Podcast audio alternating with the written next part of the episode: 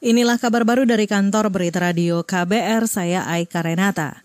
Ikatan Dokter Indonesia IDI mengkritik minimnya pemeriksaan COVID-19 yang masih minim. Wakil Ketua Umum IDI, Adib Kumaidi mengatakan dari catatan IDI, pemeriksaan virus corona melalui metode PCR kurang dari 950 spesimen per hari. Ia meminta kelambanan pemeriksaan dibenahi beserta penambahan pusat-pusat pemeriksaan di seluruh Indonesia ada reagen yang sekarang didatangkan dari luar negeri. Ya, kita harapkan ini kemudian terdistribusi ke center-center yang infonya kan ada 78 center. Nah ini bisa dimanfaatkan semua sehingga hasil itu paling tidak seperti halnya kita di Korea 10 ribu per hari itu itu kita bisa dapatkan sehingga kalau umpamanya di dalam deteksi ini cepatnya ini kita bisa mendapatkan hasil secara cepat dan massal maka proses untuk kemudian tracing kontak kita surveillance epidemiologi sama proses untuk kita isolasi itu lebih cepat untuk kita lakukan. Wakil Ketua Umum IDI, Adib Kumaidi menambahkan salah satu kunci strategi penanganan COVID-19 adalah mempercepat tes cepat massal, yaitu rapid test yang dilanjutkan pemeriksaan PCR. IDI juga mendorong agar Satgas COVID-19 membuka lebih banyak pusat pemeriksaan PCR sehingga bisa diakses seluruh wilayah di Indonesia yang terdapat kasus COVID-19.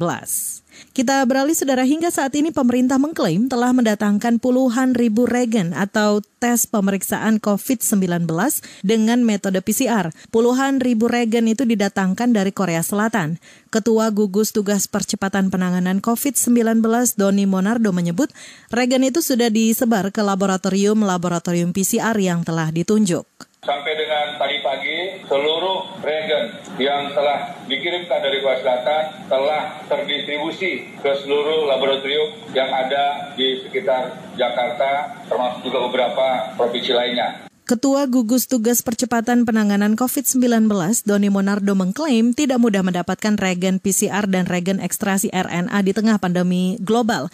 Selama ini yang bisa menyediakan dua bahan itu adalah Cina dan Korea Selatan, sedangkan banyak negara juga membutuhkan. Kita ke soal lain, saudara penyaluran kredit di industri teknologi keuangan atau fintech menurun sekitar 5 persen akibat pandemi COVID-19.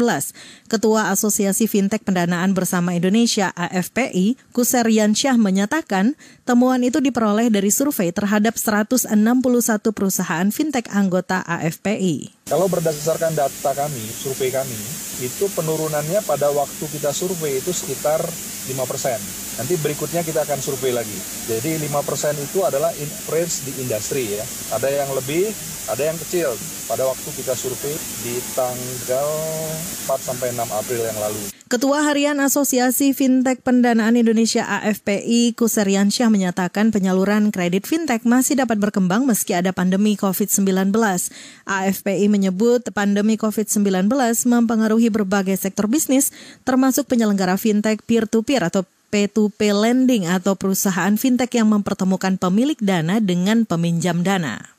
Satu informasi terakhir, saudara pemerintah Inggris mencari lebih banyak pasokan pakaian pelindung tenaga medis dari berbagai penjuru dunia. Mengutip Reuters, saat ini sejumlah rumah sakit di Inggris memperingatkan pemerintah mengenai persediaan alat pelindung diri tenaga medis yang makin menipis. Sebelumnya pemerintah Inggris telah membeli 25 juta jas pelindung medis dari Cina dan 400 ribu lainnya dari Turki.